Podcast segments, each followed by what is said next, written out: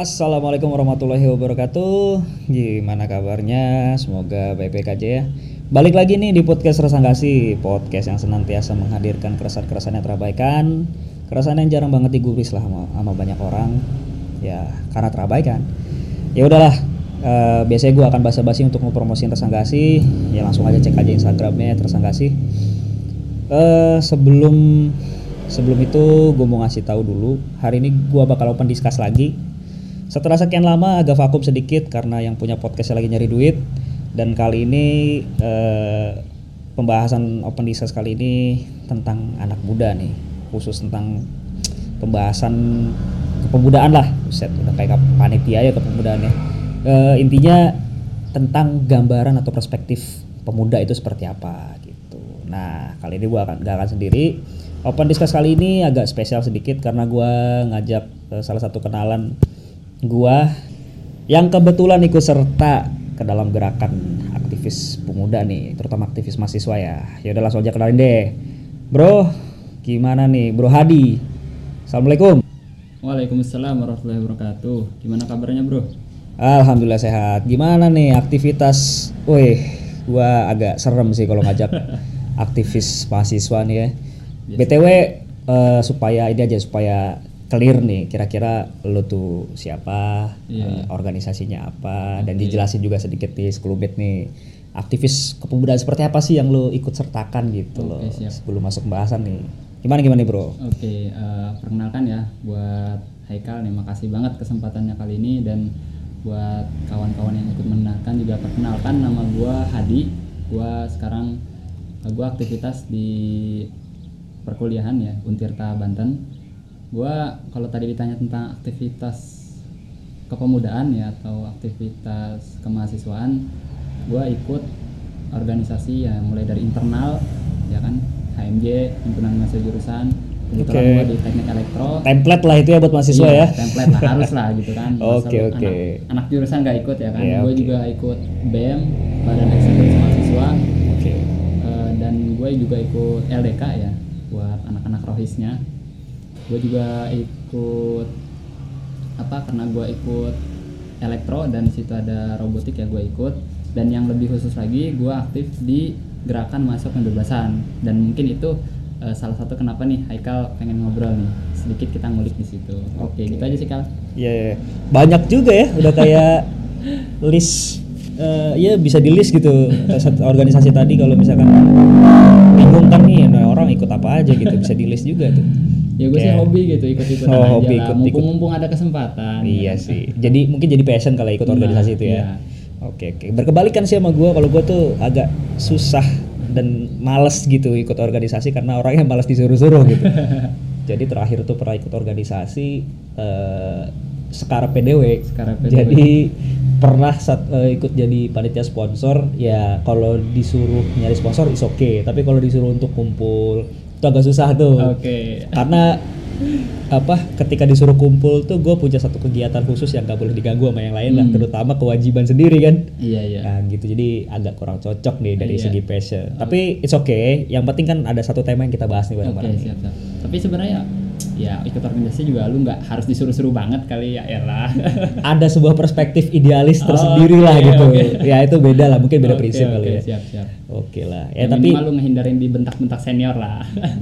salah satunya mungkin. Medi atau apa pun itu. Tapi intinya hari ini atau kali inilah di episode ini eh, episode keberapa ya? Gue lupa nih saking karena udah lama nih ya, udah nggak podcast. Tapi di episode ini pokoknya intinya kita membahas tema yang relate lah sama kita. Ya gue Oke. dengan masih masih muda nih dan lo masih eh, terkecimpung lah di bidang aktif eh, apa eh, organisasi aktivis kepemudaan. Jadi ada satu tema menarik nih yang kita Hmm. bahas sekarang yaitu tentang masa muda, masa Hmm. senang-senang atau masa serius nih. Ah, gitu. Ada tema yang kita bahas lah buat eh, buat Asik nih. buat hari ini kita ulik bersama-sama Hmm. nih.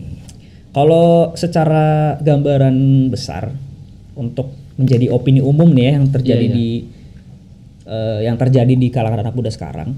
Kalau masa muda itu masanya having fun loh. Mas Oke. eh, ma- masanya tuh yang perlu dimanfaatin buat senang-senang. Nah, gue sih eh, agak setuju dulu ketika gue ya masih have- masih terjerumus juga Ah. di uh, lingkup-lingkup having fun seperti itu ya. Cuman ya kalau sekarang kan udah punya pemikiran yang agak sedikit dewasa lah. Jadi hal seperti ini ya udah nggak relevan buat gua. Hmm. Tapi pada hakikatnya hal itu bener gak sih kalau dari perspektif lo nih sebagai orang yang aktif masuk ke organisasi kepemudaan? tentang happy fun iya, having fun yang melekat di generasi anak muda. Oke. Kalau menurut gua ya, gua dulu sempat setuju tentang ini, tapi sekarang nggak nggak lah, nggak nggak relevan lah dengan kondisi sekarang. Karena menurut gua anak-anak muda itu udah harusnya berpikir bukan ketika masuk usia dewasa, tapi sejak muda gitu, sejak ya usia-usia sekolah gitu, ketika ia Oke. mulai berpikir. Karena dengan mulai berpikir matang, itu dia bisa merencanakan masa depan lebih matang lagi seperti contoh misalkan kalau memang nanti dia eh, ke depannya mau jadi seorang yang sukses jadi dokter ya dia mulai mempelajari ilmu-ilmu yang berkaitan dengan kedokteran kalau dia mau menjadi seorang arsitek ya dia mulai mempelajari hal-hal yang berkaitan dengan kearsitekkan kalau dia mau menjadi katakanlah seperti B.J. Habibie ya kan seperti tokoh-tokoh yang luar biasa yang menjadi idolanya ada dia seharusnya sudah mulai belajar gitu. Nah eh, memang having fun ya itu boleh-boleh saja ya kan tapi dalam batasan yang wajar menurut gua ya. Jadi ya namanya anak muda Jadi pada having fun. hakikatnya gimana tuh? Bener gak sih kira-kira dengan opini umum yang melekat di anak-anak muda sekarang? kurang tepat kalau kata gua ya karena having fun itu harus tetap harus ada batasnya. Bro lu lu boleh nyari kesenangan tapi lu harus tahu kesenangan ini eh, batasannya seperti apa ya kan karena lu juga bakal hidup nggak selama lamanya muda dan lu harus mulai merencanakan ke depan lu mau jadi apa lu harus kayak gimana mulai dari sekarang gitu Oke oke, menarik menarik menarik. Ya kurang lebih seperti gambaran gue sekarang lah, tidak relevan gitu ya. Oke. eh, opini umum ini. Oke oke. Ada pertanyaan menarik sih tentang eh, masalah terkait having Hmm. fun ini. Kira-kira senang-senang itu sendiri emang cuman identik sama masa muda ya? Itu hal paling penasaran sih eh, yang pernah ada di benak gua lah. Iya, iya. Apakah senang-senang itu kalimat senang-senang itu apakah hanya identik dengan masa muda? menurut gue sih enggak ya karena gini loh Eh, ketika kita kecil kan ya taunya kita main doang ya nggak sih Oke.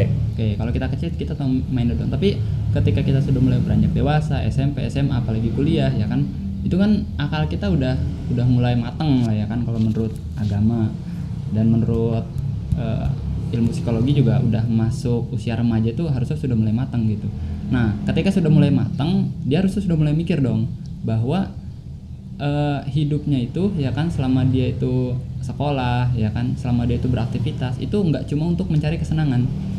Sebenarnya dari sekolah juga kita udah sering diajarin ya kan bahwa eh, ke depan itu kamu akan menempuh jenjang ini ya kan nantinya kamu akan menjadi ini. Nah harusnya di situ kita udah mulai berpikir apakah hidup ini mau dibawa senang-senang terus ya kan? Ataukah kita mau merencanakan sesuatu agar menjadi lebih baik di ke- kemudian hari.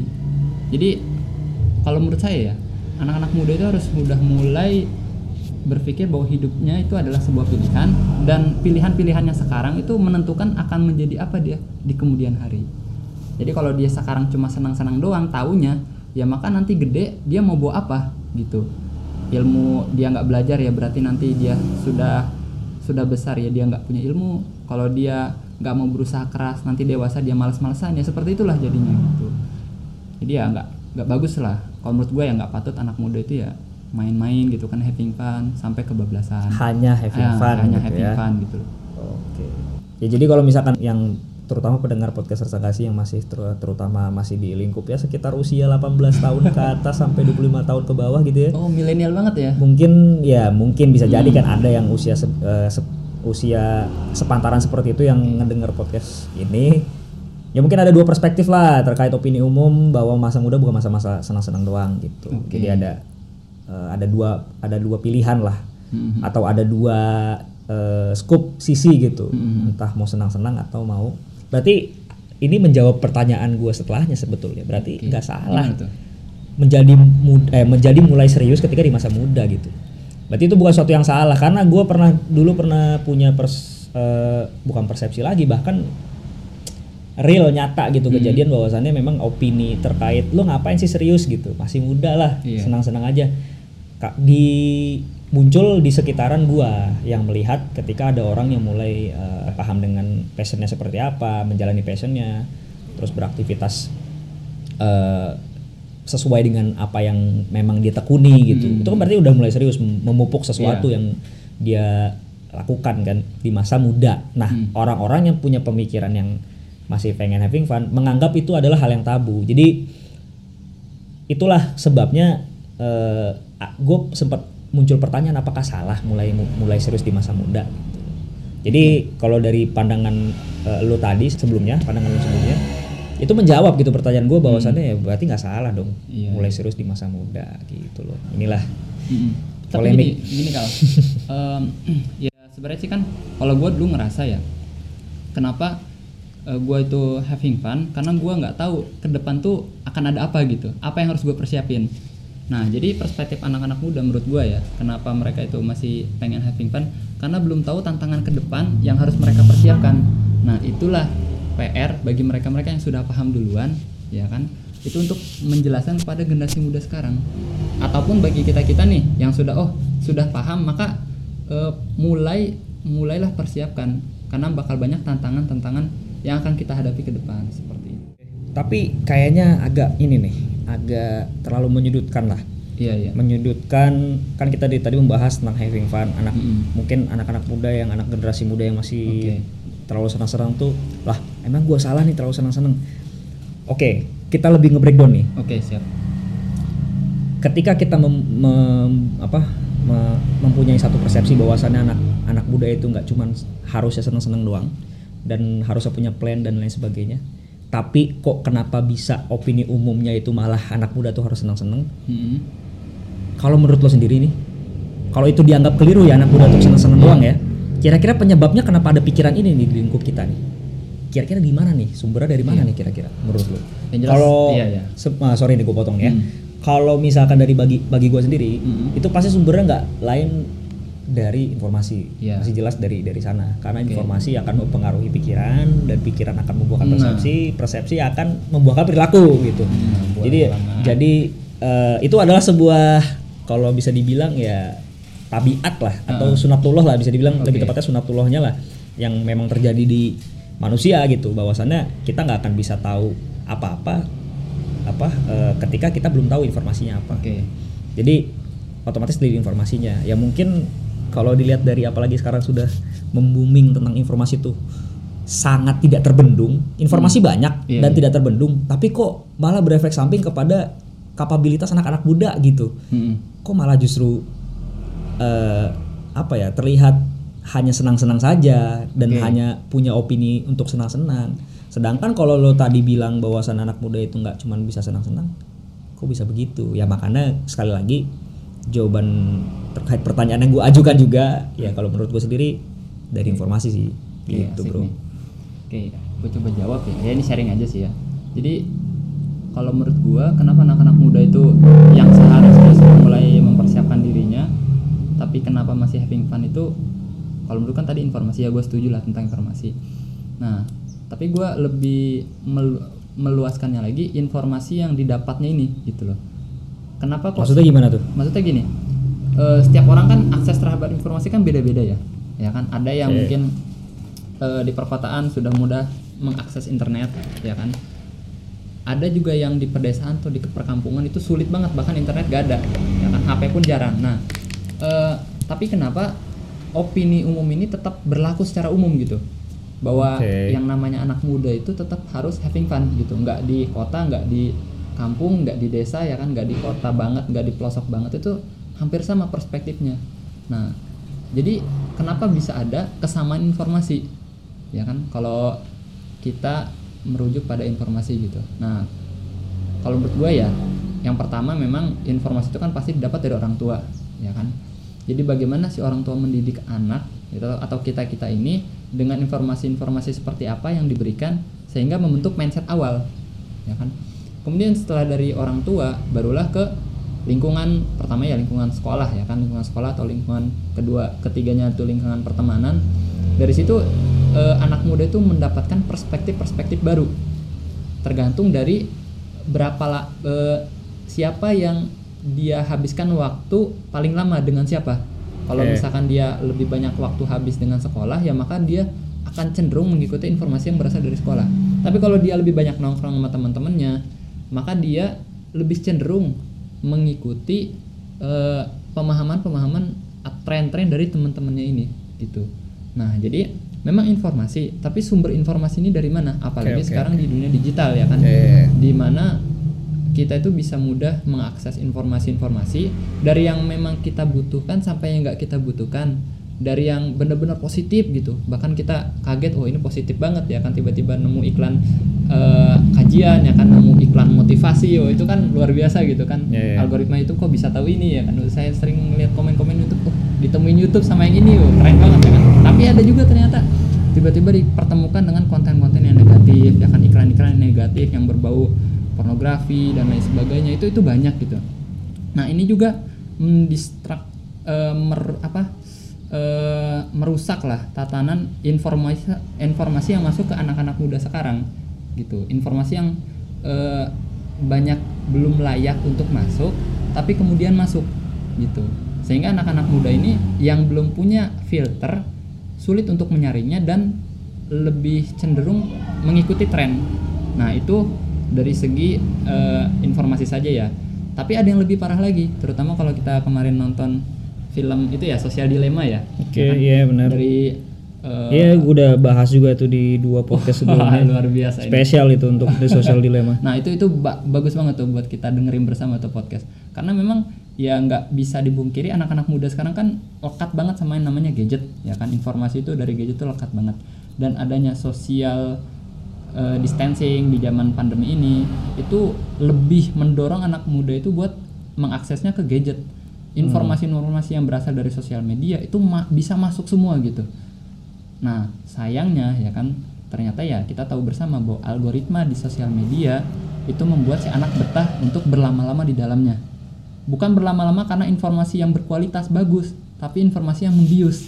Nah, itulah eh, menurut saya kenapa bisa ada kesamaan persepsi tentang having fun, tentang eh, ya apa masa muda ya harusnya nggak usah terlalu serius ya kan nah itu bermula dari situ gitu kan karena banyaknya informasi-informasi yang masuk ke kita baik itu dari sosial media maupun dari televisi juga sama sebenarnya sama kayak sosial media juga gitu gimana caranya si penonton tuh betah lama-lama di depan situ gitu pasti bukan dengan kualitas bukan dengan tayangan yang berkualitas butuh mikir bukan gitu pasti tayangan yang membius hiburan itu Iya, iya, iya. Nah, jadi menurutku sih itu sih Oke oke oke. Wah, ini lengkap banget nih jawabannya.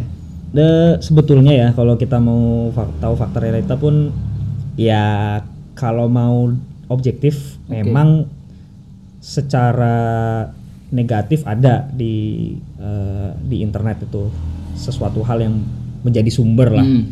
terkait persepsi eh, negatif anak-anak muda.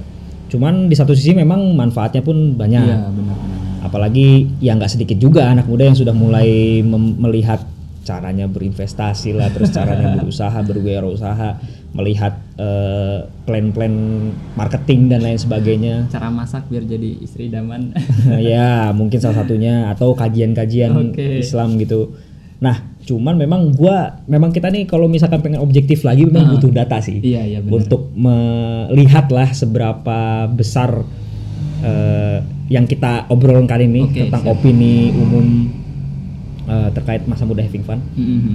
Tapi ya kita hanya skupnya membahas yang tentang ini nih, tentangnya anak muda having fun saja. siap siap Gitu. Tadi sekelumit aja lah, se- sedikit gambaran bahwasannya yang lain positif tuh ada juga oke gitu. ada ada Tapi yang untuk ini nih kita fokuskan ke sini karena agak lekat sih karena gue juga pernah ngerasain ngalamin gitu loh. Mhm. Makanya ini pas banget lah untuk dibahas. By the way, gue pengen denger Oke. lah, pengen denger perspektif lo nih terkait eh, ada nggak sih pembanding eh, pembanding opini masa muda senang-senang ini gitu. Ah, Kira-kira eh, seperti apa pembandingnya? Kan ada Oke. masa muda senang-senang nih. Kalau menurut lo sendiri pembanding untuk opini masa muda senang-senang ini kayak gimana sih? Oke oke. Kebetulan gua baru baca-baca lagi ya biografinya Pak Presiden kita ya kan B.J. Habibie. Nah beliau itu ketika masa muda senengnya baca ya kan senangnya baca Oke. Lebih jarang main karena tertarik dengan buku-buku filsafat eh, tentang keteknikan ya kan? Dan itu semua kemudian menghantarkan beliau studi ke Jerman bahkan menemukan eh, teori crack dalam pesawat itu dan kemudian bisa jadi presiden Indonesia.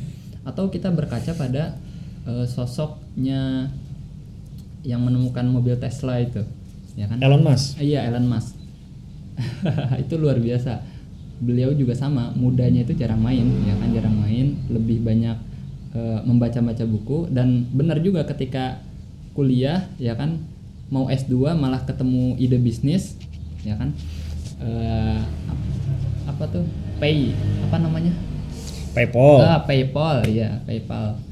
Dan ketika PayPal itu sudah sukses, kemudian menjual dan sekarang malah beralih ke bisnis mobil listrik, SpaceX ya kan. Nah, itu bisa jadi perspektif kita ya bahwa ada juga loh orang-orang yang nggak having fun di usia muda tapi menginvestasikan waktunya untuk Membangun masa depan membangun gitu ya. masa depan baik itu secara ilmu pengetahuan ya kan e, secara keagamaan mereka-mereka yang nyantri e, ataupun mereka-mereka yang senangnya baca mereka-mereka yang punya e, hobinya apa menggambar sehingga jadi seniman mereka-mereka yang punya hobi untuk berbicara ya kan mereka-mereka yang hobinya untuk jadi atlet kemudian sering berolahraga nah itu e, sebenarnya bisa juga menjadi bagian dari orang-orang yang mempersiapkan dirinya untuk masa depan gitu jadi mereka sudah punya gambaran eh, fashion saya apa, ke depan saya mau jadi apa.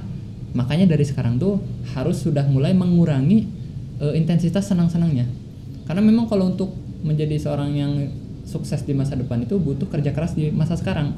Ada ambil contoh ada kenalan saya tuh dia mau ikut lomba dia mau ikut lomba kempo nasional itu latihannya seminggu itu lima hari dan dari pagi itu udah mulai latihan sorenya latihan lagi ya kan sehari itu bisa latihan 4 sampai 6 jam dan itu eh, bisa bertahun-tahun ya kan untuk menghantarkan sampai juara nasional artinya kalau memang kita mau serius ya kan mau ada sosok yang pengen kita banggakan di kemudian hari itu ya kita harus mulai memupukkan dari sekarang. Nah itu pembanding bahwa ada loh orang yang nggak having fun tapi berinvestasi Oke, pada hal-hal oke. positif di kemudian hari pun jadi orang gitu, jadi orang sukses.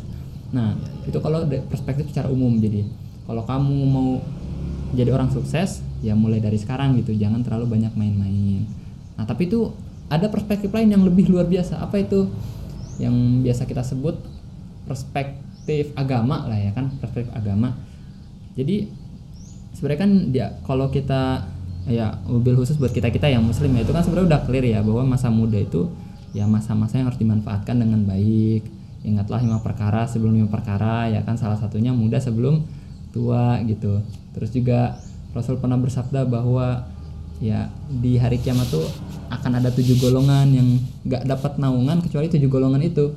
Ya salah satunya pemuda yang masa mudanya tuh eh, senantiasa dipupuk dengan ibadah. Nah itu kan ada penilaian-penilaian positif dalam agama kita dalam Islam ini terhadap sosok pemuda. Nah ada penghususan gitu Nah, ya. ada penghususannya dalam Islam. Dan kalau kita baca literatur sejarah ya, sejarah peradaban Islam itu akan kita temukan orang-orang luar biasa punya porsinya anak nah, muda. yang eh, anak-anak muda itu berperan penting di situ. Iya, Mulai dari masa Rasulullah Shallallahu alaihi wasallam itu eh, diutus menjadi rasul ya kan fase dakwah di Mekah itu banyak anak-anak muda yang ikut itu kan kayak Ali bin Abi Thalib ya kan eh, Zaid bin Harisa dan sahabat-sahabat muda lainnya. Dan eh, kalau kita misalkan merujuk ulama-ulama ahli hadis misalkan Imam Bukhari itu kan sudah mulai eh, belajar agama itu dari usia muda ya kan.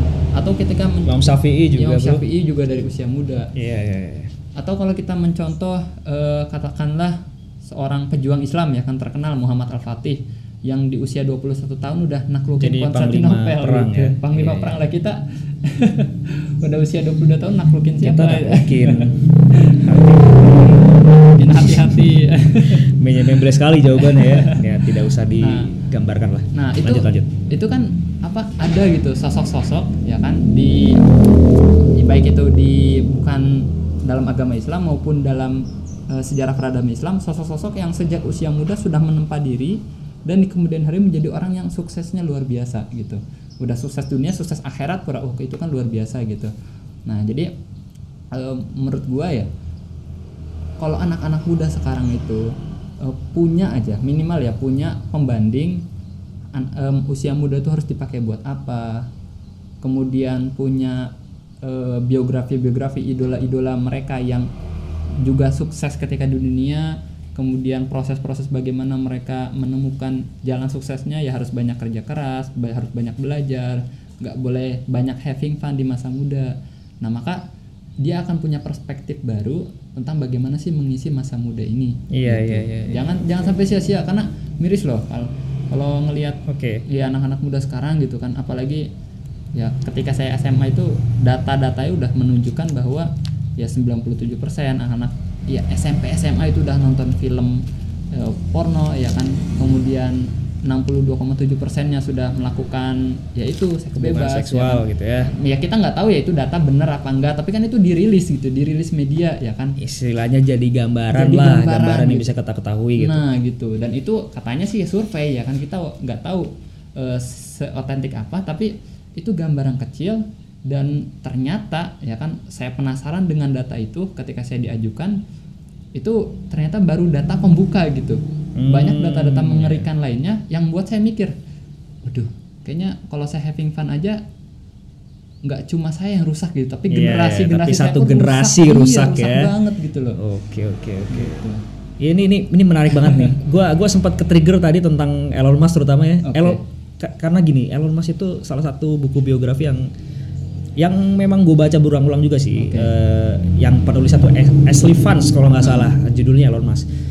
Di 2017 gue baca itu buku dan menjadi salah satu trigger gue juga untuk tidak mau kerja kantoran sebetulnya. Jadi Elon Musk tuh pernah eh, berkata lah di bukunya itu, gue lupa halaman berapa ya, gue bukan Ustadz Hidayat nih yang bisa bisa nyebutin halaman dan barisan ke berapa. Intinya di, di buku itu dia bilang menca- eh, mengumpulkan CV, mencari pekerjaan dan menghadap HRD itu adalah sesu- sesuatu yang tidak menarik kata dia gitu. Harusnya engkau apa membangun passion lah sebut aja kayak gitu membangun passion dan menciptakan pekerjaan itu ada hal yang harus kau cita-citakan. Wah itu kan sesuatu yang menggelegar banget ya. Iya. Eh, untuk anak-anak muda gitu ya, sesuatu yang besar banget loh. Ini anak apa eh, anak muda tuh disuruh untuk memikirkan hal sebesar Nah, itu. iya. Itu kan adalah sebuah trigger dan pemantik bahwa ya kalau kita mau ngelakuin hal itu otomatis nggak bisa having fun dong. Nah, iya benar. Bukan nggak bisa secara keseluruhan ya mungkin having fun punya porsinya, cuman nggak mungkin dominan Hmm. gitu loh. Dan satu lagi kalau dari perspektif Islam yang pernah gue tahu, jadi anak muda ini kalau kata eh, kalau kata Al-Quran sendiri dan pembahasannya dibahas sama salah satu ustadz favorit gue juga, Hmm. Ustadz Budi Asari Oke. bilang bahwasannya anak muda itu terletak di dua kelemahan, kekuatan yang terletak di dua kelemahan. Maksudnya apa? Di terletak di tengah-tengah antara usia bayi, usia anak kecil, sama usia masa tua, di mana dua-duanya lemah. Yang satu lemah karena baru lahir, yang satu lemah menuju kematiannya gitu. Jadi anak muda itu justru poin eh, poin penting banget. Turning point lah bisa Ah. dibilang turning pointnya manusia untuk menciptakan sesuatu. Kayak parabola gitu ya. Iya, Dari iya. nol berakhir ke nol. Kita tuh titik kita tuh puncaknya. titik puncaknya Oke. bener banget titik puncaknya di mana ada harus pemanfaatan yang berlebih lah di situ makanya Oke. kenapa make sense menurut gua Hmm. kenapa Rasulullah bisa kasih sebuah itu hadis kalau nggak salah Hmm, kan ya, hadis tentang bahwasanya di akhirat nanti ada naungan untuk anak muda yang semangat memper- memperjuangkan agamanya gitu ya Oke. ibadah gitu ya sebut saja seperti itu itu make sense buat gue emang memang memang memang bener sih gua gua agak agak agak wah ke trigger lah untuk untuk eh, memberikan sebuah pandangan bahwasannya memang bener itu bisa jadi merusak bukan merusak untuk diri kita doang tapi merusak satu generasi. Nah, benar-benar. apalagi secara masif opini umum tentang having fun ini melekat Nah, gitu loh. udah mah melekat nempel nggak punya pembanding otomatis ya gimana? Kita nggak Iya. punya pembanding terhadap opini lain akhirnya ngejalanin opini yang salah satu generasi ya. Nah, runtuh gitu loh. Oke. makanya kan gue ngerasa inferior sebetulnya kalau baca kalau lu bilang tentang peradaban Islam ya gue baca baca buku-buku sejarah kayak salah satunya sumbangsih peradaban Islam untuk dunia yang isinya tuh rata-rata anak muda semua. Gue merasa inferior. Lah kok gue di usia segini cuman bisa bikin podcast gitu? Cuman bisa diskusi kan? Iya. nggak bisa nyiptain sesuatu. Ya walaupun satu sisi itu juga hal positif. Cuman Iya. eh, ya gue merasa inferior aja insecure lah ya mungkin ya ya. bahasa-bahasa Bahasa lagi tren ya. sekarang ini insecure gitu ya gue ngerasa insecure tapi bukan insecure karena ngeliat orang jalan-jalan atau insecure Iya. karena ngeliat eh, apa namanya orang udah punya pasangan gitu bukan, Hmm. tapi insecure karena gue melihat loh kok gue coba menciptakan sesuatu Nah. yang mungkin remeh-temeh di mata gue ya, Iya, iya. perspektif gue pribadi gitu loh. Nah, ini agak menarik nih makanya waduh ini pembahasan ini kudu banget nih Nah. menggetol nih untuk para pendengar Oh iya, podcast jadi gue jadi Rasangasi. jadi ke-trigger buat nambahin tadi kan berbicara tentang peradaban Islam yang dulu tuh pernah maju kok sekarang anak muda anak-anak mudanya kayak gini gitu. Iya anak muda Islam yang Nah, anak terutama muda kan Islam kayak gini kok gitu. gini gitu kan. Kok seperti ada apa? Penurunan. eh, ya penurunan dan seperti ada apa eh, perbedaan zaman gitu kan antara anak muda dulu dengan anak muda sekarang gitu. Nah, itu juga sempat menjadi pertanyaan gua, kok bisa anak-anak muda di zaman ya keemasan Islam itu luar biasa sedangkan di zaman sekarang kok berbanding terbalik ya kan? Ada apa? Ya jawaban kita sih rata-rata dulu kan ada penjajahan masa-masa penjajahan. Ya mungkin dari situlah ya kan? Ada pihak-pihak yang tidak senang akan kesadaran anak-anak muda gitu. Sehingga Faktor ya- eksternal lah dibilang nah, seperti faktor itu ya. eksternal yang sebenarnya merusak pola pikir anak-anak muda Bukan kita. merusak secara fisik tapi pemikiran. Pemikiran, nah itu balik dia. lagi mungkin mungkin bisa jadi uh, sebuah subjek untuk menjelaskan kenapa informasi dan sumber informasi itu tadi penting gitu. nah itu dia Dan penting karena memang kalau sembarangan ya kita mungkin bisa jadi nah memasuk apa uh, memasukkan sebuah pemikiran yang merusak justru ya. benar-benar Oke oke oke ini menarik banget nih. ini wah gue ngerasa ya makanya tadi kan gue bilang kan agak ngeri nih ngebahas eh, ngebahas pembahasan kali ini sama anak yang ikut maksudnya anak muda yang ikut organisasi gitu organisasi aktivis mahasiswa lagi kan. Biasa aja gua mah. Karena gue dulu pernah bro. Pernah ada kalau kalau mau sedikit cerita Iya. ya gue tuh pernah loh. Gue tuh sangat tertarik dengan aktivis sebetulnya cuman karena mungkin dulu tuh lingkup gue memang lingkup having fun dan Hmm. gue pun terjerumus di situ Iya. cuman di satu sisi sebenarnya gue punya ketertarikan tersendiri Heeh. ketika gue menanyakan tentang aktivis ke teman-teman gue yang having fun ya ya mereka ngetawain aja ngetawain sembari ya jawab ala kadarnya sekaligus di frame seolah-olah gue pengen jadi aktivis sedangkan gue cuma mau Pengen mau tahu. minta doang pendapat mereka terkait aktivis itu seperti apa tapi mereka ternyata nggak punya gambaran sedangkan gue sendiri tertarik nah pokoknya ya itu ice breaking sedikit lah bahwa ya sebegitu kentalnya gitu having fun tuh di Iya. lingkungan termasuk lingkungan gue sendiri gitu ya Hmm. by the way nih eh, ngomong-ngomong soal aktivis lo kan aktivis pergerakan ya Mm-mm. eh, gema pembebasan tadi Iya. ya gerakan mahasiswa pembebasan oke Eh, dan pasti udah dijamin lah eh, identik dengan kepekaan dengan polemik-polemik masyarakat dan negara gitu apalagi aktivis mahasiswa Eh, nah kira-kira menurut menurut pandangan lo nih Iya, gimana nih bentuk genera- generasi muda sekarang khususnya mahasiswa Heeh. khususnya dalam menyikapi polemik-polemik barusan tuh polemik eh, sosial politik Hmm. ekonomi mungkin atau polit, eh, secara gambaran luas geopolitik mungkin iya kalau menurut pandangan lo sendiri yang aktivis gitu, Hmm. gambaran mahasiswanya seperti apa dan eh, gambaran ketika mereka nyikapin hal-hal kayak gitu tuh seperti apa? Sok mangga nih bro, Oke. jelasin. Itu gua ngejelasin ya dari orang terdekat gua dulu ya, Ya, dari ya. teman-teman. Jelas lah ya, pasti lebih relate kampus. sama lo Iya, lah. ya. benar. Nah, kalau dari teman-teman gua sendiri ya seperti kalau bisa gua nilai ya seperti eh, orang-orang pada umumnya ya kan, Oke. bahwa ketika ada masalah ya kan, ada masalah kepekaan sosial atau kepekaan terhadap isu-isu yang eh, berkaitan dengan masyarakat, negara, tapi nggak berkaitan langsung dengan, dengan dirinya, Hmm. itu biasanya nggak terlalu peduli. Oke, apatis gitu bisa Iya, dibilang apatis, apatis. atau pasif? pasif apatis ya semuanya Sama lah, aja kali ya. Oke, oke, jadi oke. maksudnya gini loh Eh ya kan kita kan di kampus nih Oke. ya kan ketika ditanya apa tujuan kamu kuliah ya pasti eh, mau lulus ya kan mau Dapat gelar ijazah. punya ijazah kemudian Bisa kerja. kerja. ya kerja gaji gede gaji gede Gaji gede, pensiun, punya Pensiun. cucu, mati, udah. Nikah Bisa dulu, gitu. bro. Oh, nikah dulu ya. Oh iya, oh iya lupa gua. nikah punya cucu mati ya Oke, kan oke, oke. nah itu kebanyakan perspektif teman-teman gua gitu Walaupun nggak semua. walaupun nggak semua itu tapi kebanyakan. ya kebanyakan kayak gitu Oke. nah karena punya perspektif sejak awal seperti itu ya kan maka ada perspektif penyangganya gitu. Hmm, Eh, hal-hal iya, iya, yang tidak berkaitan dengan hidup gua ya kan? Oke. yang tidak berkaitan Itu bukan langsung- prioritas gitu ya? iya itu bukan prioritas gua gitu. Meskipun gua peduli ya kan? Eh, gua nggak terlalu meduliin banget gitu. Gua nggak perlu harus eh, terjun tangan gua nggak perlu harus eh, memberikan porsi waktu porsi tenaga porsi pikiran gua ke situ gitu. Nah, contoh ambil contoh. Dulu gue pernah ngadain diskusi tentang eh, perpres tenaga kerja asing, perpres tenaga kerja asing. Oke. Nah itu ya gue ajak teman-teman gue gitu, ya responnya rata-rata ya kan, Eh, ya mereka nggak setuju tentang adanya perpres tenaga kerja asing ya kan, karena gimana mau nggak, apalagi kita di Banten ya kan di Cilegon itu pengangguran luar biasa banyak Hmm. gitu. Tapi ketika disuguhi data bahwa ada perpres baru nih ya kan yang pasti bakal mengancam kita di masa yang akan datang ya Pengangguran banyak lah iya, gitu pengangguran ya. makin banyak gitu kan ya dingin aja gitu loh dingin aja. Ya paling diajak malah diajak bercanda ya kan diajak Hmm. eh, ngobrolin hal-hal lain. Kalaupun diskusi ya sekedarnya gitu sekedar apa sih perpresnya kemudian eh, terus eh, sikap kita harus gimana gitu. Ya paling sebatas itu dan kemudian udah hilang lagi gitu. Ketika diajak yulah ngadain diskusi yang lebih umum nih Hmm. ya kan supaya teman-teman yang lain juga tahu itu ya dingin gitu eh, apa responnya. Dan itu banyak itu isu-isu yang eh, dulu waktu gua di kampus sering dijadikan diskusi secara umum gitu. Kebetulan di depan kampus ya gua di Untirta di tekniknya ya kan depan itu ada lahan ya, kantin ya kan biasa buat diskusi ya sering ngadain di situ, di situ gitu. Ya gua undang eh, kawan-kawan gua ya bisa dibilang eh, nggak terlalu antusias gitu kan tentang diskusi-diskusi seperti ini gitu.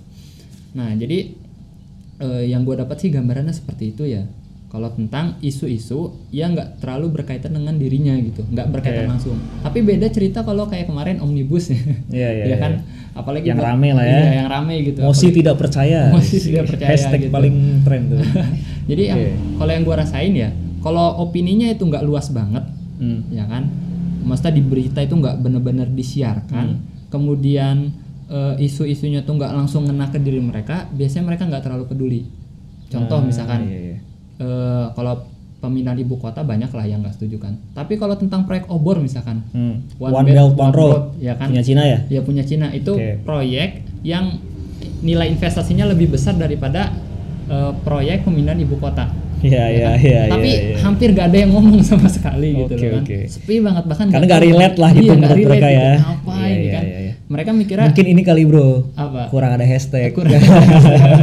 Kalau kalau kalau nggak kurang ada influencer yang ngomong Ah, kali ya. bisa bisa Oke, jadi bisa ya kan. Jadi Ah, ya. Kalau gua sih introspeksi aja mungkin uslub gua untuk nyampein ke mereka kurang gitu kan. Mungkin mahasiswa pergerakan kurang lah Nah, gitu iya, ya. kurang Iya, gitu iya, kan. iya, iya.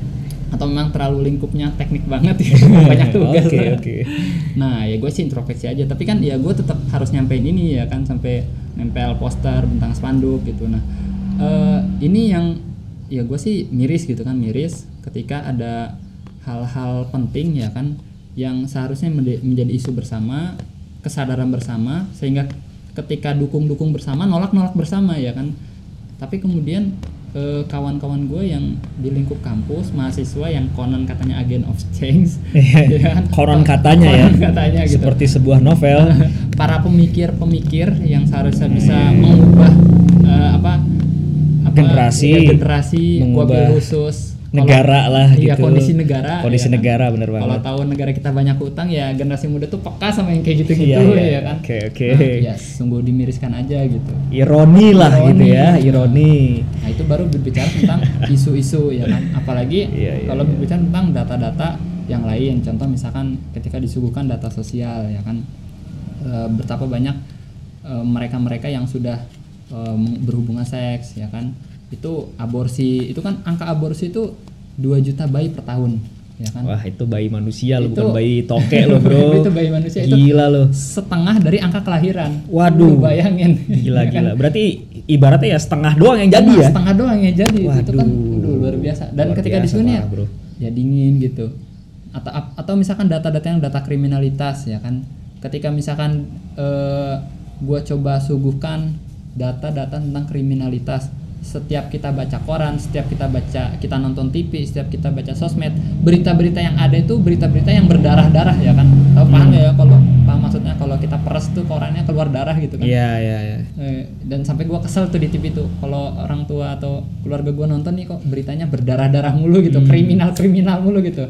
Jarang gitu berita berprestasi. Nah, itu kan sebenarnya gue tuh mau ajak mikir gitu. Lu coba bayangin kalau setiap hari ada 10 aja kriminalitas, ya kan? Setahun ada berapa? Ya kan? Eh, Kira-kira di usia kita tua itu kira-kira bakal bertambah apa ber- berkurang? Pasti Oke. kan bertambah ya kan? Apalagi di zaman sosmed dulu ya kan? belum zamannya HP aja, masih zamannya bioskop atau zamannya CD gitu kan. Kalau mau nonton film-film yang aneh-aneh itu, film-film berbau porno itu ya harus beli CD ya kan. Atau enggak numpang di warnet. nah, Iya iya iya. itu aja angka ya hubungan di luar nikah itu banyak, apalagi sekarang. ya kan semua orang udah bisa mengakses HP udah punya internet nah itu yang paling sederhana sosial apalagi kalau kita eh, Masuk ke berhubungan ranah dengan politik, politik ya ekonomi. kan? ekonomi makin runyam intinya runyam lah Runyam gitu banget ya gitu tapi kan. kok mahasiswanya begini, gitu Begini gitu oke loh. oke Jadi ya ironi gitu. Makanya ya gue tetap gitu berharap ya akan ada saatnya anak-anak muda ini berubah berubah gitu sadar dan mau bergerak bersama seperti itu. Oke oke. Mungkin lebih tepatnya yang tadi ya kalau lo bilang kalau yang opininya menyebar luas Heeh. eh, pada peka, tapi Iya. kalau yang kayak krusial tapi kayak gak luas opininya terus ya diem diem aja. Heeh. Menurut gue sih mungkin bisa dibilang reaktif gak sih? Hmm, reaktif iya. gitu. Aktif ketika di ibaratnya gini ya kita kan nggak bisa nggak apa. Kalau nggak ada luka lah di kaki kita kita nggak ngerasa ada yang sakit nggak ada yang Iya. luka ya kita kan diem aja nggak Hmm. ngerasa apa apa kan tapi sekiranya ada lecet sedikit lah Iya. kesentuh dikit aja peka kan Iya. misal kita kena pisau di tangan kita kita megang apa pun kan kayak ada perih-perihnya gitu nah Bener, kita bener. peka karena itu lagi, lagi sakit Lagi kena. nah kenapa menurut gue itu reaktif karena anak-anak muda sekarang tuh terbuai dengan sesuatu hal yang lain dan nggak merasa sebetulnya dia tahu mungkin negeri kita lagi runyam Hmm. tapi nggak merasa negeri kita runyam beda loh nggak mereka tahu tapi nggak merasakan Hmm. negeri kita runyam makanya nggak peka Hmm. makanya nggak ngerasa nggak kesentuh nih gitu Hmm. kagak ada yang sakit di dirinya ya udah terbuai dengan satu hal yang nyaman ya balik lagi tadi eh, mungkin informasi kan Iya. yang atau atau yang sekarang lagi tren ya TikTok lah gitu kan lebih lebih enak eh, maksudnya lebih lebih lebih aktif untuk memberikan gambaran interior rumahnya sambil menari-nari gitu ketimbang lihat eh, media obor kan. Tadi apa media ter- terkait isu obor kan. Lebih seneng itu gitu karena memang itu hiburan yang Iya. ya sangat Berarti terbius hiburan gitu terbius. Ya. bisa jadi itu salah Bisa satunya jadi, ya. salah satunya. Intinya terbi- terbius atau terbuai sama sesuatu hal lain di luar hal yang Iya. faktual gitu loh. Makanya kan nggak ngerasa sakit. Mm. nggak peka ya balik lagi karena dia nggak dia tahu tapi nggak merasakan Mm. gitu loh Bisa Ya, jadi juga reaktif eh, bisa juga faktor egoisme. bisa jadi Iya, karena eh, selama luka gua kecil, ya kan, selama luka gua kecil, gua nggak Bener nggak banget, Bro. masalah ya kan. iya iya benar Apalagi kalau misalkan luka gua kecil, gua punya perban. Masa bodoh orang mau kecelakaan, Ah, patah tulang juga iya, iya. nggak peduli. Yang penting luka gua, ya gua punya obatnya gitu. Dalam arti, ya emang sih misalkan contohnya ya kan sumber daya alam dikuasain asing. Hmm. Nah, dikuasai asing berarti ada, berarti ada perusahaannya dong, perusahaan asingnya. Ya gua kuliah, ya gua harap gua bisa kerja di situ. Udah cukup. Itu doang pola pikirnya. iya iya iya iya ironi bro Ironi. tapi kita protes kalau kenapa kita nggak kebagian sumber daya alam Nah, Indonesia ya tapi lo berpikir kan tapi itu. tapi lo kok berpikir eh, bahwa lo kenapa harus kerja di sana Nah, gitu? itu dia. bukan berarti nggak salah Ah, untuk ah. kerja ya bukan Iya. ya tapi kok malah berpikirnya kontradiksi gitu dengan Nah, harapan itu lo makanya. Jadi Iya, iya, iya, berpikir hanya sebatas itu. Kalau yang paling relate gini bro, paling Iya. simple lah. Heeh. Kalau gue yang paling merasakan gini, lo benci sama hal-hal bodoh di internet, Heeh. tapi di satu sisi lo masih mengkonsumsi hal-hal bodoh di Nah, internet. itu gitu. dia. Cuman beda frekuensi kesenangan doang. lo selera dengan kesukaan lo yang sebenarnya sefrekuensi kebodohannya. Cuman ketika yang bodoh di internet gak sefrekuensi dengan lo, lo protes gitu. Itu kan kontradiksi kan. Heeh. Tapi lo berharap bahwa internet Indonesia ideal gitu. Aduh, itu paradoks bro. Iya benar. Eh, lebih baik masuk ke universe lain lah kalau di DC film DC gitu lu masuk universe lain lu lu Iya, berharap ide idealisme yang lain gitu terkait gambaran yang lu harapkan. Ya pokoknya gitulah ya. Intinya eh, kalau menurut lu kalau gue simpulin Iya. mungkin masih reaktif lah ya masih reaktif pasif dan eh, apatis mungkin ya parah ya. Jadi ketika ngelihat eh, contoh sedikit lagi ya, kalau misalkan ngelihat data yang mengerikan itu ya paling minimal jawabannya yang penting gua nggak kayak gitu. kalau pengangguran tinggi ya minimal gua sukses sendiri. klise gitu ya jadi Iya, jadi klise dan template gitu. Oke oke oke. Ya ya ya menarik menarik menarik. Oke nih bro. Kayak udah lumayan wah nggak kerasa nih udah obrolan udah lumayan lama panjang juga ya. lama juga bro. Eh, tapi eh, apa namanya terakhir nih. Oke. sebagai penutup eh, perspektif lo lah sebagai aktivis Hmm. pergerakan. Pesan-pesan lo apa nih untuk generasi anak muda sekarang terutama yang masih nerapin konsep atau masih punya pemikiran masa muda adalah masa senang-senang? Sok bro gimana nih? Eh, ini kalau mau gue juga berkaca pada pengalaman gue ya. Ketika gue masih punya perspektif hidup tuh harus having fun ya gue mulai beranjak dari situ ketika gue dapat informasi baru ya kan? Sebagai pembanding eh, terhadap pemahaman gue sebelumnya. Nah informasi itu yang harus mulai kita cari gitu. Dengan ya dengan teman ya kan atau dengan senior kita atau dengan seseorang yang kita anggap guru dengan orang tua kita dengan orang-orang bijak. Bahkan dengan eh, buku-buku bacaan pun bisa gitu. Itu tentang informasi. Nah kalau itu bagi yang eh, masih punya perspektif itu tapi eh, pengen berubah ya kan. Nah Oke. yang sulit itu yang punya perspektif itu tapi kan belum berubah gitu. Iya, belum iya, ada iya. kamu untuk berubah. Nah maka tugas kita lah yang udah paham nih bro ya kan yang Oke. udah paham untuk Memberitahu eh, lah ya. memberitahu gitu kita sama-sama ngajak pada teman-teman yang belum paham yang masih ter eh, apa terkungkung dalam pemikiran itu bahwa ya hal itu tuh nggak baik ya kan lu nggak baik buat diri lu ya kan nggak baik buat generasi lo nggak baik juga buat ya segala hal yang berkaitan dengan lo nantinya Orang ya tua kan? gitu orang termasuk tua, kan. ya kan masyarakat lo bahkan negara lo juga ya, Akan punya efek samping punya lah. efek samping meskipun kecil ya kan Iya, iya, 0,01% iya. Tapi kan kalau gitu. kecil dan banyak kan besar juga dong, Bro. makanya bro Iya, iya, iya. Oke, oke. Wah, singkat dan lugas nih ya. iya Oke lah, sebagai eh, penutup tambahan nih. oke oke eh penutup tambahan dari gua lah eh, bahwasannya kalau yang gue lihat kenyamanan itu sih jadi faktor utama Hmm. Eh, karena terbuai dengan kenyamanan sih lebih tepatnya. Ya. tadi gue bilang terbuai oleh sesuatu hal lain tuh ya lebih tepatnya dengan kenyamanan. Karena rasa nyaman itu membuat kita berhenti gitu membuat kita pakem membuat kita menancap Hmm. di bumi ini gitu. Maksud gila filosofis banget nih.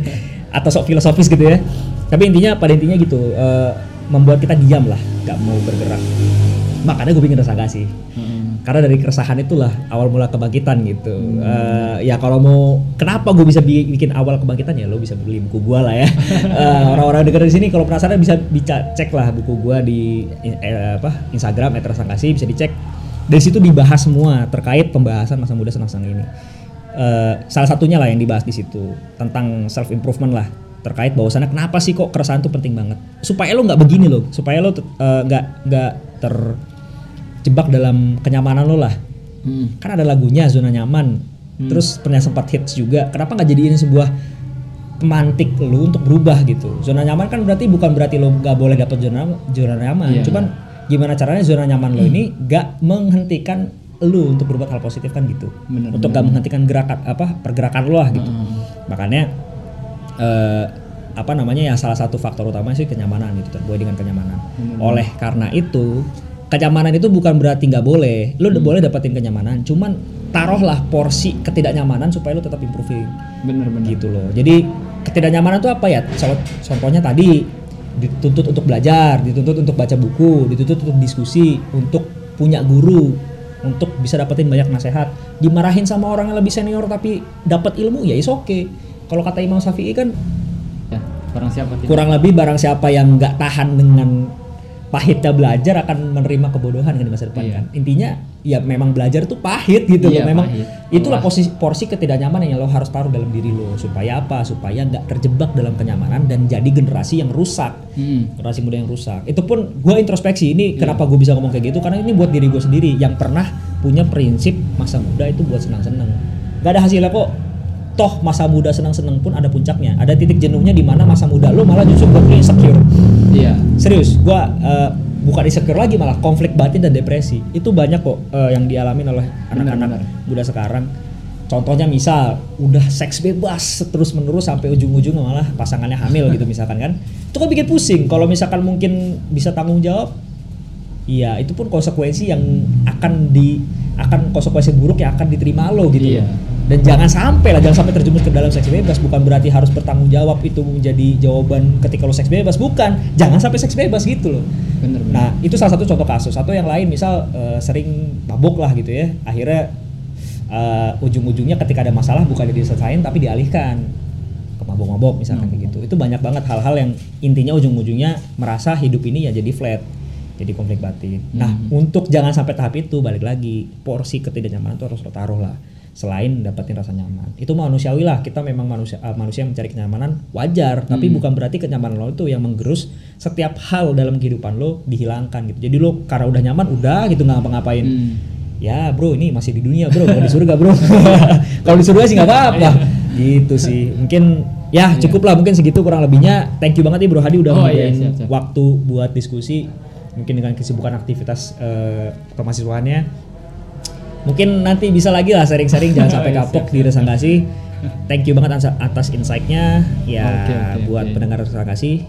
Jadi kira-kira resah nggak sih? Assalamualaikum warahmatullahi wabarakatuh.